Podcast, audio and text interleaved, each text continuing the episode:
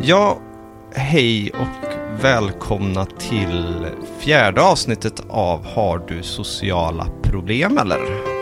Och ehm, jag säger väl hej till dig Linnea. Hej Erik! Hejsan, vad har du gjort sen sist nu då?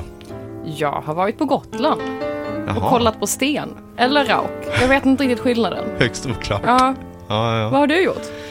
Jag har, eh, jag är inte riktigt lika tråkig som jag brukar vara bara se småbarn. Jag har faktiskt påbörjat ett eh, snickeriprojekt hemma. Wow. Jag håller på att bygga ett utekök. Look at Ja, you, mm. manly man. Ja, precis. Och eh, sen har jag även, vi har börjat förbereda lite för eh, skolstart för min son också. Mm, kul. Så det är kul. Vi får, det är nog någonting vi får ta upp någon gång om den skolan, men det Mm. lämnar vi till en annan gång. Absolut. Vi har en gäst med oss. Det har vi.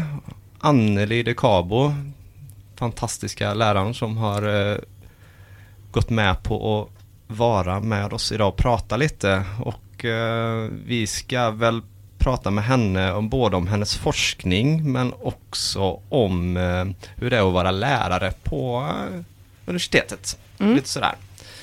Anneli, vem är du? Eh, hej Hej först och främst. Ja, hej och tack för att jag fick komma hit. Eh, vem är jag? Ja, fram tills jag fyllde 50 så var svaret på den frågan alltid det blir bättre sen. Ja. Jag har en sån otrolig optimistisk tro på att jag kan bli en bättre version av mig själv. Men efter 50 så är det mer sådär, vem är jag? Men det är ju en större fråga. Men om man ska ta mer min dagliga tillvaro då så är jag ju lärare och forskare på institutionen för socialt arbete. Och det har jag varit sedan 2006 så började jag min forskarutbildning. Och sen har jag blivit kvar på institutionen. Mm. Fastnat? Eller frivilligt? Eh, jag är frivilligt fast Ja, kan man säga. Statlig anställning. men, men om jag har förstått rätt, du har erfarenhet av att ha arbetat som socionom på fältet innan du gick Mm. in eh, i eh, forskningsdelen? Så att Mm. säga. Okej. Hur länge jobbade du då och vad gjorde du då? Alltså jag började, jag är ju egentligen fritidspedagog i botten. Jaha, jag trodde Eh. jag hade fått för mig att du var socionom. Nej, okej. Jo, jag är so- socionom ja, också. Ja, ja. Eh, Så, jag gick fritidspedagogutbildning på 80-talet, slutet av 80-talet. Eh, och sen eh, tröttnade jag på det och så började jag på eh, och jag socionomutbildningen på 90-talet. Och då började jag jobba extra när jag gick utbildningen och då hamnade jag på ett barnhem. Mm. Eh, och där jobbade jag ett antal år under tiden eh, jag pluggade. Och eh, det var väldigt spännande, väldigt, väldigt lärorikt Mm. kan jag säga. Och det var 90-tal och man såg väldigt annorlunda på eh, vad ska man säga? Man såg väldigt annorlunda på barn på institution. Man såg väldigt annorlunda på hur man såg på föräldrar som hade barn på institution jämfört med vad man gör idag kan jag säga. Det här att vi jobbade mycket med holding. Och det är ju en sån, eh, jag vet inte vad man ska säga om det egentligen mer än att det ligger ju väldigt, väldigt nära rena övergrepp. Mm. Ehm, sen kan det ju finnas situationer där man behöver hålla barn eller hålla ungdomar för att de inte ska skada sig själv eller skada andra. Ja. Men vi hade det som en metod. Ehm, och tanken var då att om ett barn flippade ur helt enkelt, då skulle man skapa, genom att hålla barnet fysiskt så skulle man skapa det hållandet som barnet saknade. Mm. Och det kunde pågå väldigt länge, det kunde Ja. pågå en timma. Ja, Så att, det blev liksom en form av frihetsberövande då där också då, eller? det kan man säga. Ja. Det kan man säga. Men alla trodde väldigt mycket på den metoden. Mm. Så att det vaggades in i eh, ett teoretiskt raster som ligger väldigt, eller som, som är kopplat till anknytning. Ja, Att det, det var liksom bekymmer med anknytningen. ja, precis. Så att, eh, och det gjorde det väldigt försåtligt. Och jag var ny och jag hade en kollega, eh, Madde, som också var ny. Mm. Och vi upplevde jättemycket obehag. Men då fick man ju också veta att nej, men, ska du arbeta här och så måste du vara professionell. Ja. Och barnet måste veta att du kan stå kvar. När eh, barnen liksom flippar ur. Då måste vara, du vara den vuxna, den, den professionella, den som håller liksom. Men det här handlar inte om en kram. Oh nej! Nej, nej, nej, nej, nej, nej. Måste förtydliga det. Vi, oh nej, vi kunde sitta två personal på ett barn. Ja. Alltså beroende, och det var ju lite grann också så här, alltså tanken var att ju mindre barnen är så, kan du ha, alltså då, då har du två treåringar så kan du ha dem i knät och så kan du liksom hålla dem mot dig. Och sen ju större barnen är så kan det bli jobbigt med den här liksom nära ansikte mot Ja. ansikte. Så då får du vända på barnet. Men, men ju större barnen är så handlar det ju också om att hålla nere. Så att det kunde vara någon, alltså barnet kunde ligga på golvet så var det någon som höll överkroppen, armarna, Ja. händerna och någon som höll benen. Ja. Och det var ju väldigt ofta att barnen liksom spottade och fräste Ja. och då, då höll man huvudet Mot golvet. mot liksom. golvet. Ja, alltså kinden Ja. mot golvet. Så. Ja. Och sen måste jag säga, det fanns massa, massa saker som var bra på det barnhemmet. Ja. Och det här var en metod, alltså, jag tror inte att vi var eh, specifika med att jobba med holding. Utan det gjordes på andra ställen också. Nej, men det är väl som med allt eh, form av arbete med människor att vi använder väl de metoderna som är bäst för tillfället tills någon kommer på någonting som är bättre. Och är det det som är bäst så får man väl köra på det, tänker jag, eller så. Ja, eh, jag, tänk, ja, ja, jag, nej, men jag håller med dig. Jag håller helt med dig och det är det här som vi tror är bäst för tillfället. Det som är problematiskt kan jag tänka så här i efterhand det är att ehm, det som blir anses som bäst för tillfället, det som får någon slags hegemonisk status kritiseras inte heller. eh, Nej. heller. Så att det här kritiska, den här kritiska granskningen eh, tenderar att försvinna. Ja. Det är ju väldigt problematiskt att man inte kan rannsaka sig själv eller det arbete Nej. man gör. Nej.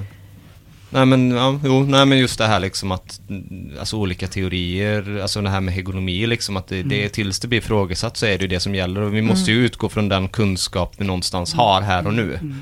Eh, jag menar det, ja men om vi tar Folk trodde ju att jorden var platt väldigt, väldigt Ja. länge liksom. Alltså, och då fick man ju utgå från det. Alltså det är ju så det är liksom. Tills någonting annat är bevisat så är det ju det som gäller liksom. Och det som är så intressant, de som inte trodde att jorden var platt, de Ja. riskerade att förlora huvudet. ja. Nu är det ju kanske, ja, Ja, det är lite lättare att kritisera. lättare. precis. Kanske lite mildare klimat nu. Mm.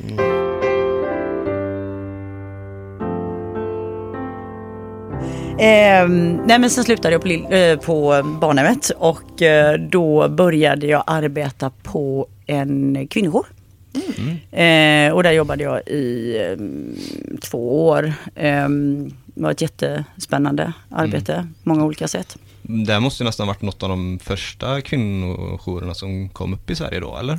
Nej, Nej. den första kvinnojouren, jag tror att den startade i Göteborg och jag, ehm, jag vet i alla fall Ja. Vilket hus den låg i. Ja. Eh, Om det nu var i Göteborg, Ja. jag, jag är nästan Ja. säker på det. Och den startade faktiskt 1978. Oj, det är så. Oj, Ja. ja.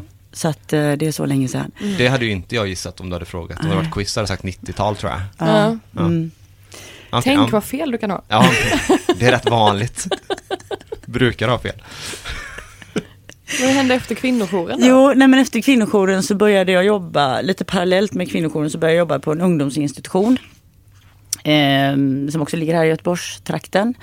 Eh, också jättespännande. Och då var ungdomar en ny grupp för mig att jobba med. Jag hade mest jobbat med barn innan så. Ehm, och där lärde jag mig väldigt, väldigt mycket kan jag säga. Dels hur man arbetar på institution. Eh, dels hur man arbetar i team.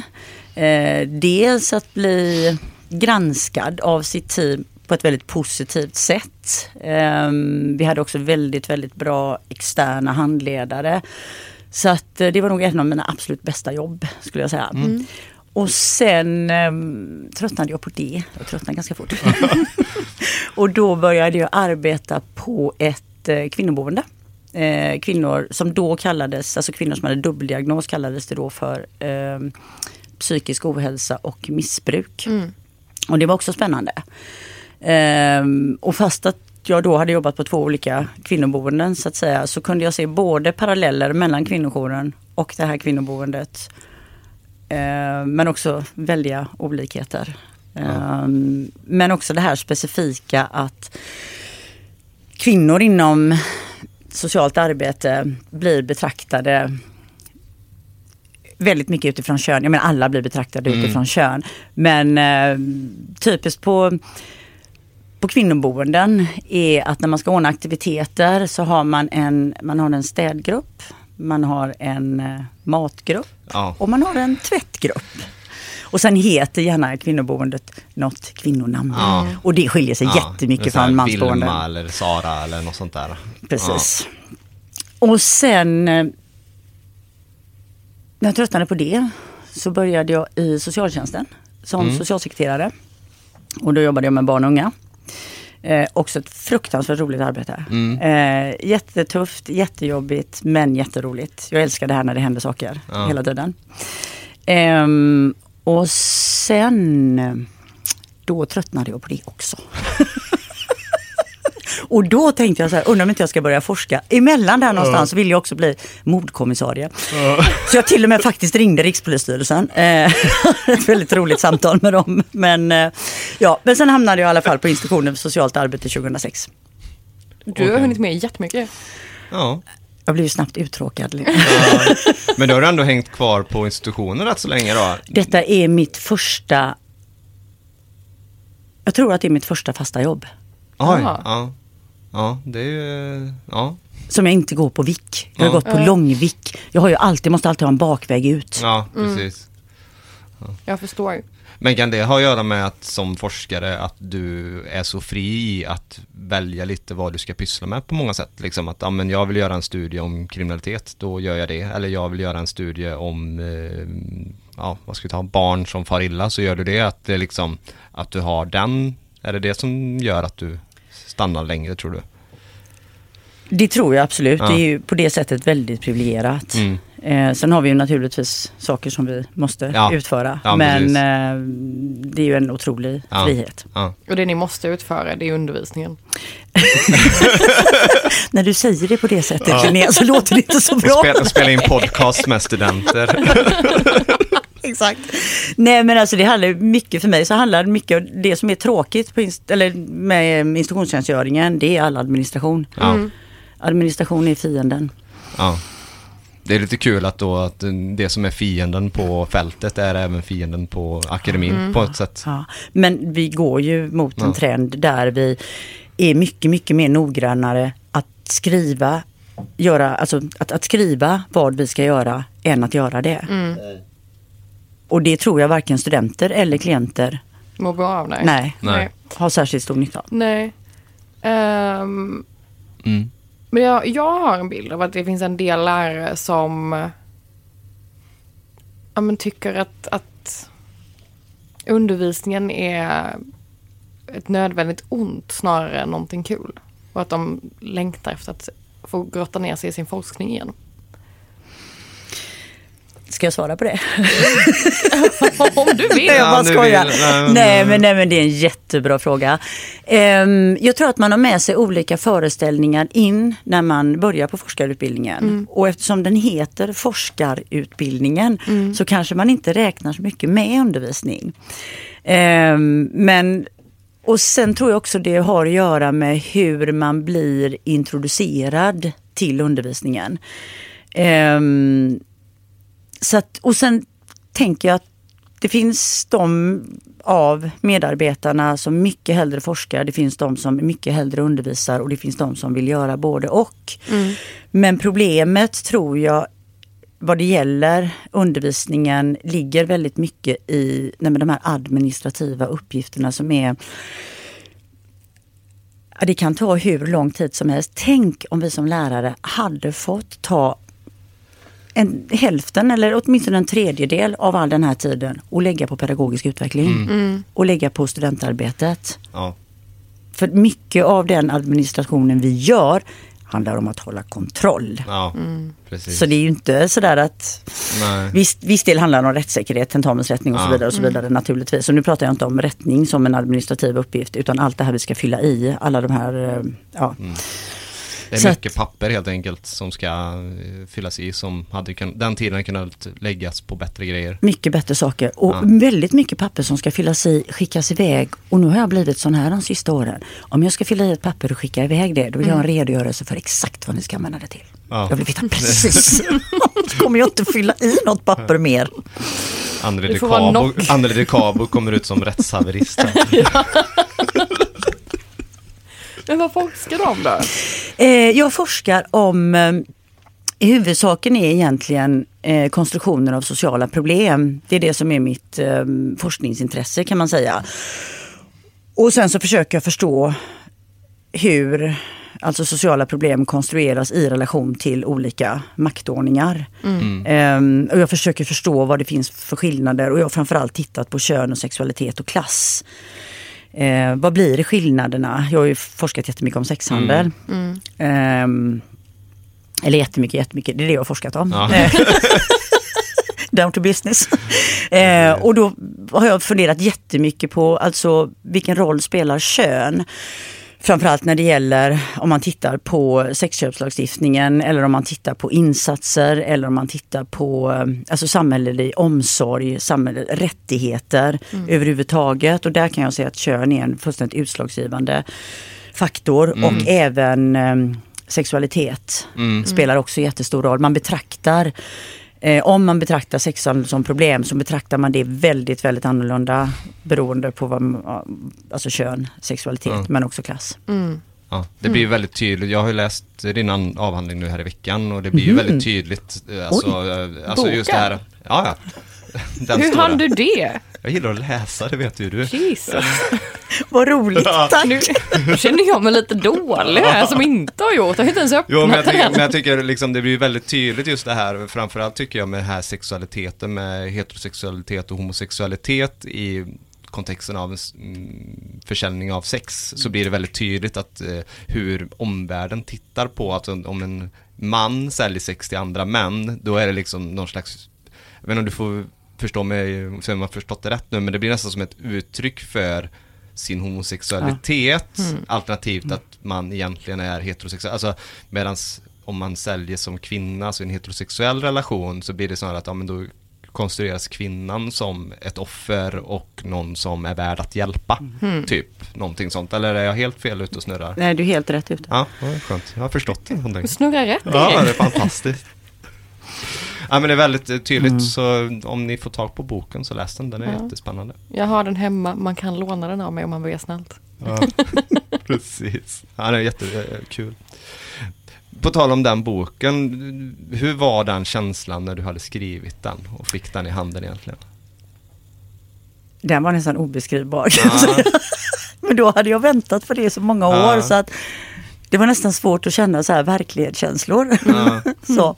Nej, men det var jätteskönt och det var väldigt Eh, då kan jag ju säga det, du märkte ju säkert Erik då att det är rätt mycket redaktionella fel. Alltså Ja. meningar som hoppar och, Ja, och sådär. Ehm, Det kan så- man leva med. det var bra, tack. Nej, men så att det, det var väldigt pressat där i slutet. Men, ehm, och det är det ju för alla. Eh, Men eh, det var väldigt, väldigt skönt. Eh, Och jag hade ju, eftersom jag tog ganska lång tid på mig att skriva min avhandling och sen så har jag undervisat jättemycket och så och gjort andra forskningsprojekt också så jag har inte bara hållit på med den. Men ehm, jag hade en föreställning om att när jag är klar med min avhandling då kommer alla mina problem försvinna. Och nu menar jag på riktigt, Ja. jag skojar inte. Jag menar att alla, jag kommer inte ha ett enda problem i hela Inklusive de världen. privata problemen. Alla problemen som finns. Jag tror till och med att krigen skulle upphöra med. Kommer det ekonomiskt oberoende liksom? Alla blir ekonomiskt oberoende. Jag vet. Fattigdom tar slut. Bara Allt. avhandlingen blir klar. Exakt. Jag blev så förvånad när corona kom. Hur kunde det hända? Nej, jag skojar, förlåt. Men, eh, nej, men jag, jag hade den föreställningen och så disputerade jag på en fredag och så var det jätteroligt och så hade jag disputationsfest och sådär och så lördagen var jag helt färdig. Och sen söndagen så började jag liksom, nej men oh, jag är klar med min avhandling. Och sen på måndag var det bara tillbaka till jobbet igen och sen glömde jag av alltihop. Så det var det här stora liksom, det var så kort. Eh, Jag, fick, jag kom på, vi sa inte vad boken hette.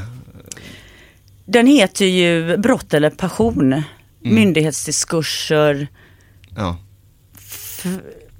myndighetsdiskurser från 1930 till 2000-tal. Någonting sånt. Tror ja. jag. Lång titel. Ja, Vet du vad Jag kommer inte ihåg gör det så- själv. Jag gör så att jag lägger in den i eh, avsnittsbeskrivningen. Så Ja, men får gör vi det. Jag har den i väskan här borta sen så kan Ja. vi titta.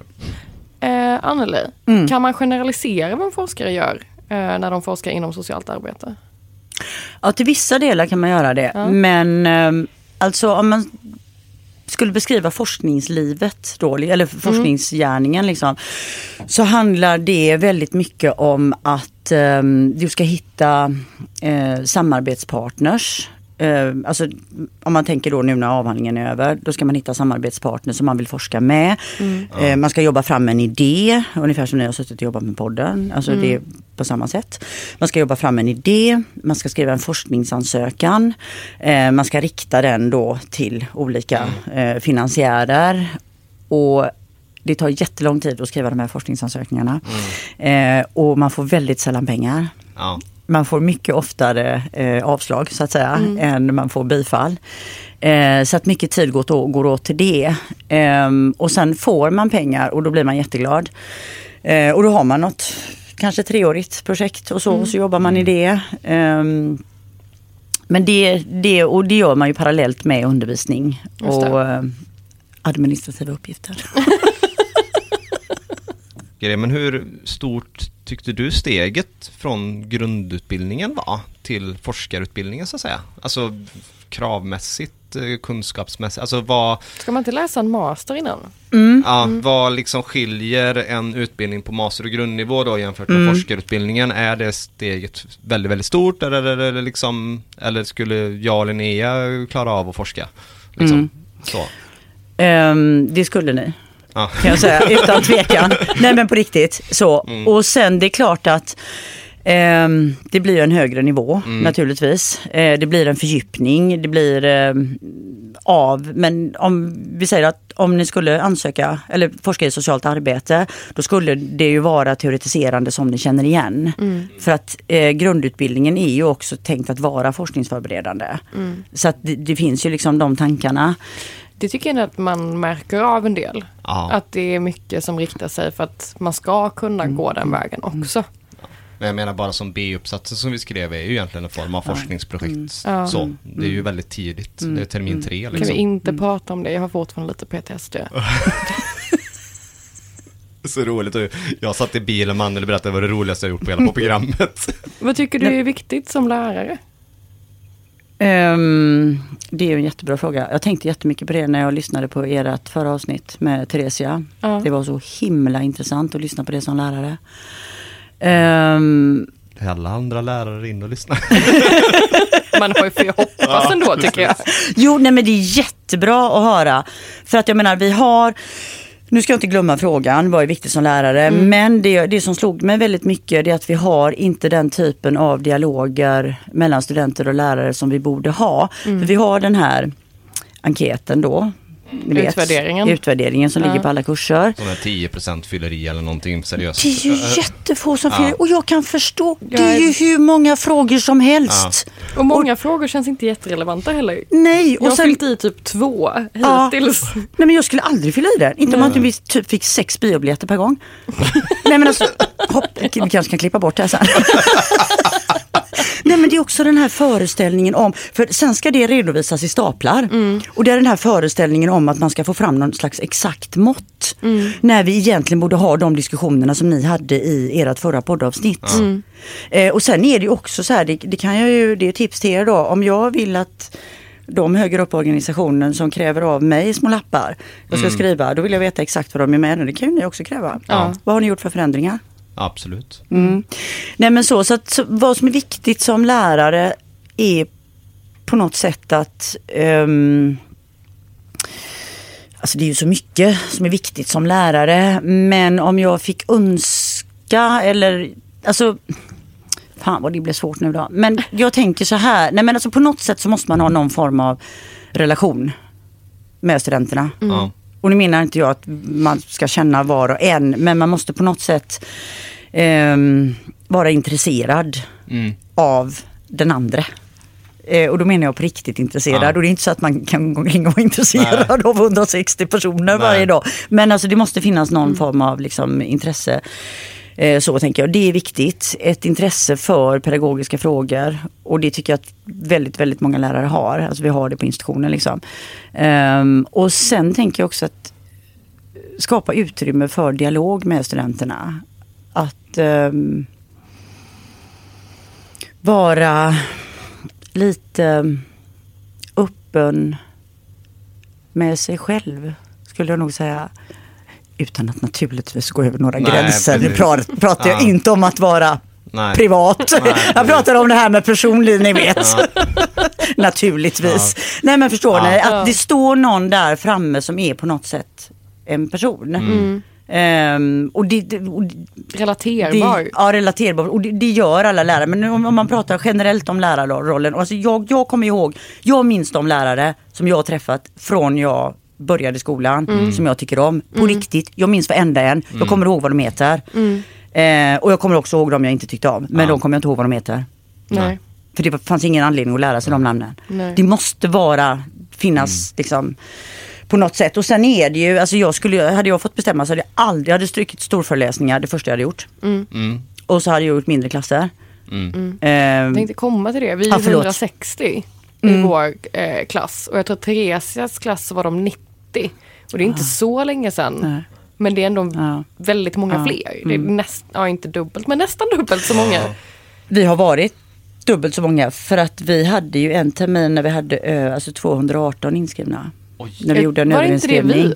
Var det ni? Jag jo, tror vi, att det var, var vi. vi var helt vansinnigt många. Vi, Ja. vi har haft en del av så det kan nog stämma. Ja. Ja, för att jag tror att vi... Jo, men det kan det nog precis vara. i början var vi ju, alltså på introduktionen Ja. första Då dagen satt vi liksom. typ i trapporna gjorde vi. Ja, alltså vi var ju Just över det. 200 pers i klassrummet. Mm.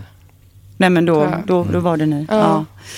Och det är ju inte idealt tänker jag. Sen Nej. kan man använda storföreläsningar i många sammanhang. Mm. Men det ska inte vara det vanliga. Och det handlar ju, det här handlar ju om ekonomi. Mm. Mm. Det Ehm, är klart det är billigare att ha en föreläsning i en stor sal än att ha Ja. Många små. Ja. Men det, det, på tal, jag kommer att tänka på det, jag ska faktiskt lyfta en lärare, inte Anneli utan en annan lärare nu som gjorde en bra grej eh, under människans livsloppskursen, eh, krisseminariet där. Eh, Kristine heter hon, norsk eh, tjej Mm. som jobbar. Hon gjorde en Ja. snygg grej där, för det var ett väldigt tufft seminarium för Mm. många, för vi skulle prata om liksom, ja men saker som hade hänt i våra liv, eller människors närhet liksom, men man blir ändå Det är de påverkad. intervjuerna vi hade gjort. Ja, vi gjorde intervjuer Ja. med någon som har gått igenom en kris och Mm. sen skulle vi redovisa den. Ja. Och då blev det väldigt tufft för att, ja, man kanske, jag hade valt en typ av krisintervju och den kanske jag inte var så relaterad till för att det var en kompis så. Men däremot var det andra som hade intervjuat folk som kanske varit med om saker som jag hade varit med om. Ja. Och det blev väldigt tufft liksom, så att det blev väldigt laddad och tung stämning. Men då gjorde hon faktiskt de sista typ kvarten så sa hon bara, nej men nu ska vi prata om det här och sen så frågade hon faktiskt, vad, vad ska vi göra nästa gång jag har det här? Mm. För att det ska bli bättre. Visst, det har hänt, alltså folk har blivit ledsna men så kommer det alltid vara för det här är ett tungt ämne. Men Mm. ändå ta sig en 15-20 minuter efter ett seminarium, ja, men vad gör jag bättre till nästa gång? För jag ska ha det här seminariet om ett halvår igen liksom. Ja. Och det tyckte jag var en väldigt fin... Så att samla upp folks Ja. känslor och tankar och att man får lov att landa i det man Mm, känner. Precis. Att man inte bara, okej tack Ja. för seminariet och så går vi Ja, vidare. precis. Precis. Ja, men ha liksom en dialog utanför examinationen på något sätt också, tänker jag, är smidigt. Mm. Så det är bra Kristin. Det, det, det låter jättebra. Ja. Eh, Nej, men det, det är precis Ja. i linje med den typen av pedagogiska tankar som vi borde utveckla Mm. eh, mycket, mycket mer. Eh, och kanske lämna med det här, inte så att kraven ska sänkas eller att, liksom, att vi inte ska prestera, för det ska vi, detta är ett lärosäte. Men att man ger mer utrymme till diskussioner Mm. istället för att det blir så jättemycket redovisande. Jag menar om en viss text ska läsas av alla till ett visst seminarium Mm. så har ju alla läst den texten. Då kanske inte vi behöver berätta vad som står i boken. Nej. Utan då fokuserar vi på nästa steg. Okej, hur kan man göra analyser här? Vad betyder det här? Nu, Ja, men hur kan vi använda hur kan vi texten? använda ja. texten så att säga? Och, och samma med, alltså jag tänker när det handlar om att möta svårigheter. Mm. Eh, och jag tänker det är ingen fara om någon börjar gråta. Nej. Jag gråter jättemycket. Eh, på jobbet, på riktigt. Mm. Eh, eh, ja, alltså. Ja. Nej men hade jag inte kunnat gråta på jobbet hade jag fått vara sjukskriven jättemycket. Ja. Nej men Ja, alltså, så här. Mm. alltså när man har haft bekymmer så i privatlivet och så. Ehm, och det måste finnas ett utrymme för det. Alltså det är inte så att jag går omkring och gråter i korridorerna hela dagarna. Långt Jag har aldrig sett Men- dig gå runt och gråta. Nej, så. nej, bra. Tack. Det är ju en sån sak som jag tror mycket faller bort på grund av att vi är så många. Mm. Att det blir väldigt ensidig, enkelriktad kommunikation från lärarna till Mm. studenterna. Det blir inte så mycket kommunikation tillbaka på det här. Nej. Och det känns som att det har jättemycket att göra med Mm. mängden människor. Jag är inte särskilt manad till att räcka upp handen när vi sitter 160 pers där. Nej, du ser till mig att räcka upp handen så skriver du ner frågan som jag får ställa åt Men du dig. är man, du kan göra det. Kan du liksom bara ta det privilegiet och göra den tjänsten åt mig? Ja, ja, det har jag väl gjort det senaste året. året. Jo men ibland så suckar du också och säger gör det själv. Då blir jag lite Om det är putt. fråga 4-5 där så ledsnar jag. Men det är ju bättre nu för det är rätt många som inte går på föreläsningarna Mm. så då är vi inte lika många och då kan jag prata rätt bra. Men Ja. det är ju ett... ehm, sen finns det ju pedagoger, alltså ni vet sådana superpedagoger som menar på att det handlar bara om att för läraren då att hantera den situationen rätt. Man kan visst skapa utrymme för dialog. ehm, men då tycker jag ofta det kommer så här bikupor. Mm. Men då pratar ni med varandra, vilket i och för sig är väldigt, väldigt bra. Ja. Men för att ha den här liksom, dialogen i storgrupp, alltså det är inte jättemysigt att räcka upp handen i Nej. 160. Jag, när jag sitter Nej. och lyssnar på en föreläsning, det gör inte jag heller. Nej. Om det är så många, om inte det är så att jag är jättearg. Ja, precis. Bara måste säga Ja. någonting. precis. Hurdan är en bra student? Kaninöron runt bra här Ja. nu, så. Oj, eh, det är ju en jättebra fråga. Då måste man ju fråga sig bra i vilken mening liksom. Men ni tänker bra student ur ett lärarperspektiv? Ja, Ja. det blir Eller- väl det. Mm. Eller? Ja, vi Ja. köper det. Mm. Det är en som aldrig mejlar några frågor. Nej, jag bara skojar. Där sjönk jag till en väldigt dålig student med tanke på många frågor jag ställde förra Nej, jag kursen. skojar bara. Jag mejlar väldigt sällan. Ja, du ber mig mejla åt dig. Exakt. För jag vill vara en bra student Erik, jag skiter väl i dig. Nej, men alltså, jag skulle säga så här. Ehm, en student som eh, man uppskattar eh, som lärare, alltså man uppskattar ju alla studenter.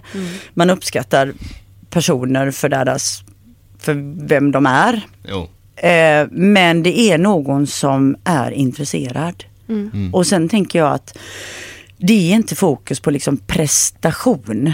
Nej. Utan mer på intresse. Mm. Det är någon som liksom pratar på seminarierna eller som liksom ställer frågor. Och sen behöver det inte alltid vara att man behöver ställa frågor i den här stora gruppen. Ehm, man kan komma ner i pausen om det är föreläsningar till exempel. Eller så. Mm. Men någon som är intresserad. Ehm, och då skulle man ju kunna säga, vad är då en dålig student? Ja. Nej, Nu var då- det du som tog upp det här med dålig. nej, men så här, nej men jag tänker så här, det är någon hållning som man blir som lärare ganska, nej men man blir lite ledsen och lite trött det är det här. Nej men jag, det vill jag, jag vill absolut, jag, jag vill veta exakt vad jag ska läsa. Jag tänker inte läsa en rad till, eller en rad som inte jag behöver. Nej men ska jag verkligen behöva göra det här? Nej men det är, alltså på något sätt, eller nej men jag kan inte det för att eh, jag har en almanacka som ser ut på ett annat sätt. Ja. Så det, då blir man så här lite, som lärare blir man lite, nej, man blir lite trött, och, Ja. nej inte så uppgiven. Mm.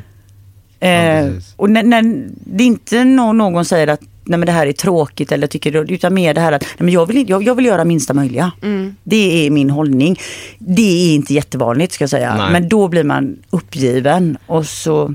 Det har ju du och jag också pratat om. Att det, Mm. Vi har ju vissa klasskompisar som det känns som att de har den inställningen att, att de vill bara bli klara med utbildningen och ha gjort minsta möjliga insats på utbildningen men ändå Ja. liksom bli klar. Och det är väldigt tråkigt att ha de personer som klasskamrater för man, det blir inte så lika mycket utbyte då. Framförallt är det väldigt tråkigt att ha dem om de råkar hamna i samma grupparbete som dem. Ja. Det är... eh, Det är extra tråkigt. Ja, det är så här, man... Ja, nej, jag ska inte... Men det är ju som med fula ord, grupparbeten men- i, i största allmänhet. Det är oftast en person som gör det största Mm, arbetet. precis. Och så hakar resten på. Ja. Men eh, ja, Och där är ju då, om jag bara ska fylla på det, då är det ju egentligen min uppgift som lärare att Identifiera det nästan. Ja, nej men och, och, och det, kan man, det, det gör man ganska snabbt. Men också att få den här studenten att känna intresse. Det är ju det som är mitt jobb. Mm. Jag ska ju inte gå in på mitt kontor och bara sätta mig i min stol och känna, Nej. gud vad jag är uppgiven idag. Utan det är ju mer, då ska jag gnugga mina geniknölar och tänka, okej, hur kan jag göra här? Mm. Så det är ju det som är den stora utmaningen och det hade ju blivit väldigt mycket lättare om vi hade varit eh, mindre klasser. mm. Ja. Det hade ju varit en helt annan sak tänker jag. Lättare att se folk Ja, om det är ja. färre ansikten. Precis, för det kan ju vara så att man känner sig väldigt alienerad av det här stora sammanhanget och tänker jag ska bara ta mig igenom detta. Och är man eh, också kanske en eh, student som inte har jättemycket sociala relationer i sitt studiesammanhang så Nej. tänker jag alltså det måste ju vara värt någonting för alla liksom. Så att då är det ju mitt jobb och alla andra, andras lärares jobb att på något sätt få upp det här intresset och engagemanget och mm. Sen så skulle jag vilja tillägga där att, alltså, när man säger minsta lilla möjliga också, så finns det ju också de, man kan ju prata om det här med minoritetsberättelser, det finns ju faktiskt de studenter som har situationer eh, hemma eller, ja, som du säger, har då svårt med sociala relationer, så att minsta lilla möjliga, det kan, för att bli godkänd, det kanske är nästan till en övermäktig uppgift för den studenten. Och det måste man också komma ihåg liksom Såklart. någonstans i det här samtalet att det är människor, alltså man kan ha det tufft liksom. Och då, är det, då ska man ju snarare lyfta på hatten för de studenterna som faktiskt klarar utbildningen även fast de har det så tufft. är så jättebra att säga det. Mm.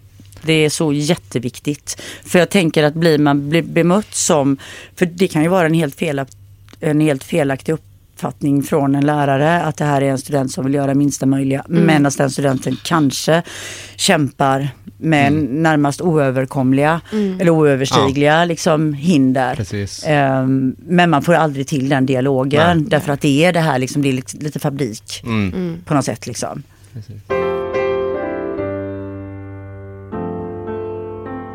Nu så tänkte jag att vi skulle knyta an till avsnittet med Theresia. Eh, där vi pratar en del vad som är bra och dåligt med utbildningen på Göteborgs universitet. Ehm, hur nära akademin ligger fältet och liksom verkligheten inom små kaninöron. Och eh, övergången från studier till arbete. Spännande. Ja. Ska vi börja med vad som är bra eller dåligt med utbildningen? Eller? Vad tycker du? I förhållande till anknytning till fält så att säga. Mm. Ehm, det går ju lite grann in i de andra frågorna som du säger där Linnea. Ehm, det vill säga hur nära ligger akademin fältet? Ehm, och jag tror att delar av utbildningen beroende på vissa lärares forskningsintresse och eller uppdrag ligger ganska nära fältet därför att de eh, är involverade i forskningsprojekt som rör till exempel hur eh, barns röst hörs i barnavårdsutredningar till exempel. Och då får man ju också kunskap om hur, hur görs barnavårdsutredningar nu så att säga eh, jämfört med tidigare. Men eh, alltså jag gjorde mitt sista pass på socialjouren 2013 och fram till dess så kunde jag känna att jag och på socialjouren har man alla ärenden. Och då kunde jag lätt dra exempel från liksom, fältet när jag undervisade. Och nu kan jag inte det längre. Nej. Nej. Det har gått för lång tid. Jag Ja. är för off. Så i den meningen, och det tror jag gäller för många lärare, de kan inte de har liksom inte exempel Nej. att ta upp. Så på det sättet så tror jag att ibland att avstånden i vissa delar av utbildningen är för stora. Mm. Tyvärr. Och det handlar ju också om vilken kunskap som ni behöver ha med er ut i arbetslivet. Mm. Och sen tror jag också att en sån sak som har varit ett problem mellan akademi och fältet det är att akademi vill gärna kritiskt granska fältet och betraktar Ja. fältet som objekt. Ja, just det. Eh, socialarbetarna på fältet är objekt som man kritiskt ska granska, vilket är bra. Men det finns också en annan variant. Man skulle kunna tänka sig en mer samforskning, Ja. lite ak- aktionsforskningsstuket, Ja. där fältet är liksom eh, med och skapar kunskapen. Ja.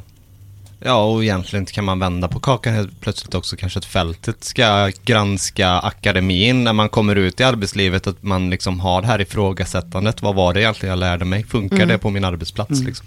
Skulle man absolut kunna ha. Teresa kände sig ändå ganska förberedd när hon var färdig med sin utbildning eh, och skulle börja jobba. Eh, men sen när hon väl kom ut så var det ändå lite en chock och så fick hon inte så mycket introduktion och så som hon behövde.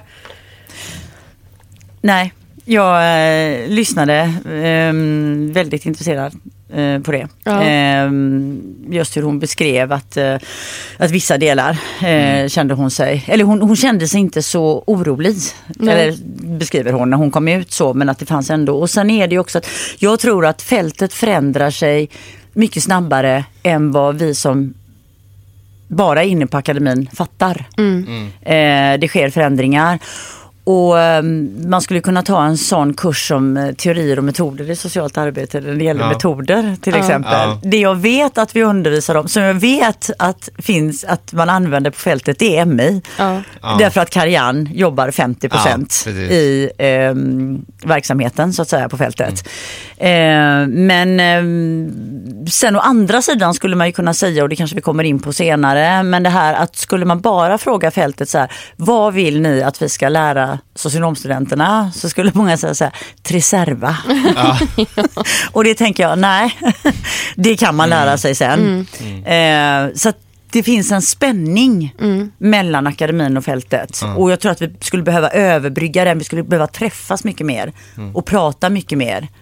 Men jag tänker, ju, när du, nu när du tog upp det med mig, det var som vi pratade i bilen på vägen nu, att liksom det här hur akademin nästan kan bli lite generaliserande just i metodutlärningen, som vi pratade om just med MI, det här att ja, men, öppna frågor, jätteviktigt och ja, det är ju egentligen någonting som går genom hela den kursen, att det är så alla övningar, öppna, öppna frågor, liksom, ni får inte ställa några slutna frågor. Nej. Ställer man det- dessutom en fråga så gör man ett dåligt arbete Ja, nästan. precis. Men om man då tar barn eller ungdomar som har olika typer av NPF-diagnoser, exempelvis inom autismspektrumet, så har ju forskning visat som Autism och Aspergers går ut med att ni skall inte ställa slutna frågor. Och jag har ju märkt när jag har jobbat nu då lite extra på olika ställen att vi möter ju faktiskt rätt många barn och ungdomar med just NPF. Det är just därför de är hos oss.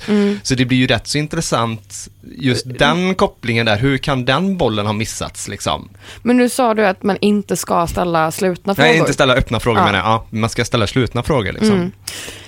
Det är, jätte, ja, nej, men det är jätteintressant och det här går också, eh, jag drar paralleller till Folkhälsomyndighetens rekommendationer under hela covid-19-pandemin. Alltså, vem är medborgaren som alltid är redo att svara på öppna frågor?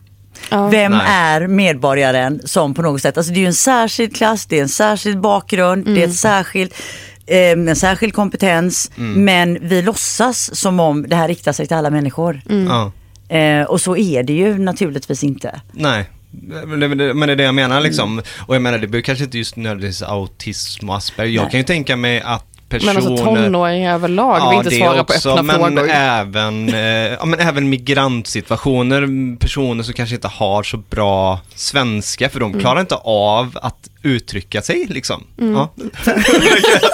Jag berätta en liten anekdot. ja, Ja. absolut. Jag jobbade på eh, kvinnojouren. Så var jag kontaktkvinna åt en kvinna som hade varit i Sverige väldigt, väldigt kort tid. Och eh, hon kom från ett utomeuropeiskt land och eh, hade blivit jätteutsatt eh, av sin partner. Och hon och hennes två barn kom till oss på kvinnojouren. Och det gäller nästan alla kvinnor som kommer på, på, eller till oss på kvinnojouren. Det är ju de som lämnar hemmet, så det är de som står utan bostad. Ja. Och eh, ibland... Vilket är sjukt på många sätt, men det är en annan diskussion. Ja. Precis, så det är de som och, eh, då ska söka en ny bostad. Så att väldigt många kvinnor blev kvar väldigt mycket längre än vad de egentligen behövde för att de inte hade bostad så att säga. Men då kom jag och hennes socialsekreterare på att eh, vi kontaktar dåvarande Altbo. Detta är ju 99 eller 2000 eller någonting sånt där. Och det är alternativt boende, kommunens boende. För de, vi visste att de hade ganska många stora lägenheter som de inte fick uthyrda. Därför att deras klienter är ofta ensamhushåll och så. Mm. Så att eh, vi har ett möte på Altbo då. Eh, då ska hon, eh, våran klient då, eller ja, som den kvinnan som jag är kontaktkvinna till. Eh, så det är jag och så är det klienten och så är det hennes socialsekreterare. Och så är det hon som är enhetschef för Ja. Altbo. Och så är det en tolk. Och, eh, och då är det någon slags eh, intervju. Där dels så ska de intervjua den här kvinnan kring hennes behov av boendet för att det är ju liksom ett boende med stöd men sen ska man också berätta om Altbos verksamhet och syftet med det och bla bla bla. Och den första frågan den här kvinnan får av den här enhetschefen då för Altbo det är så här Så säger hon så här, ja välkommen bla bla bla. Jag vill börja med, alltså för oss är det väldigt viktigt att veta vad du vill med ditt boende. Och kvinnan är tyst en lång stund. och så säger hon någonting till tolken och så säger tolken, eh, kan du upprepa frågan igen? Ja, som jag sa, för oss är det helt centralt att vi ska förstå vad du vill med ditt Ja. boende.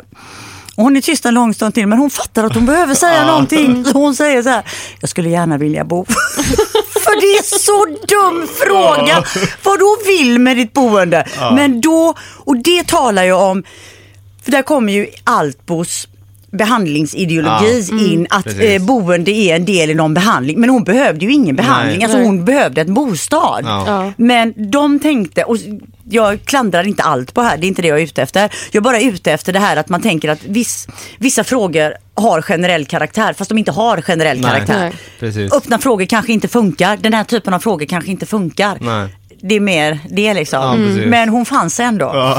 Skulle gärna vilja bo så. Och det är det bästa svaret jag har hört på en sån fråga. Liksom. Ja. Ja. Ja. Nej, men det är väldigt intressant just det här liksom att man trycker så mycket på öppna frågor och sen så, ja det kanske inte funkar ibland och att, ja Generalisering kanske inte alltid är, eh, och det, det tror jag akademin en fälla som akademin kan gå i. Det är väl det jag vill komma åt. eh, Att vi blir likformiga. Ja, men som du pratade om innan, att det finns bara vissa personer som har kapital till att klara av att svara på öppna frågor. Mm. Så. Det är också kanske lite det vi pratar om i avsnitt ett. Ja, Hur eh, utbildningen och sen arbetet sen kan eh, forma eh, socionomerna till att bli en och samma lite grann. Ja, och det finns ju en fara i det, för jag tänker mig att eh, på ett behandlingshem så behövs den socionomen, Mm. men som myndighetsutövning så behöver vi den socionomen. Mm. Alltså, är vi, formas vi i samma ram så kan det nog bli väldigt konstigt. Så. om vi bara, pratar om boendet som du och jag jobbar på så tycker jag att det är en styrka att personalstyrkan består av så många olika människor med så Mm. många olika eh, egenskaper. Ja, Vissa blir liksom någon mer förälderkaraktär, andra blir lite mer kompiskaraktär. Det är väldigt bra tror jag. ja, tror jag också. Ja. Yes. Det måste finnas någonting för alla. Ja. Ja, på något sätt. Och om man ska vara orolig, framförallt när man jobbar med barn och ungdomar. Om man är ett helt behandlingskollektiv, man säger personalstyrka på, vi säger 12 personer och så jobbar man på en avdelning. Om det finns en ungdom, och framförallt, och även när det gäller barn. Men om det finns en ungdom som ingen känner att den connectar med, mm. då ska man vara orolig. Mm. Ja men Det precis. finns ingen av dessa 12 personer som Nej, då, känner det, att... ja, då gäller det att dra i Ja, mm. handbromsen Då är det något. fort. Mm. Mm.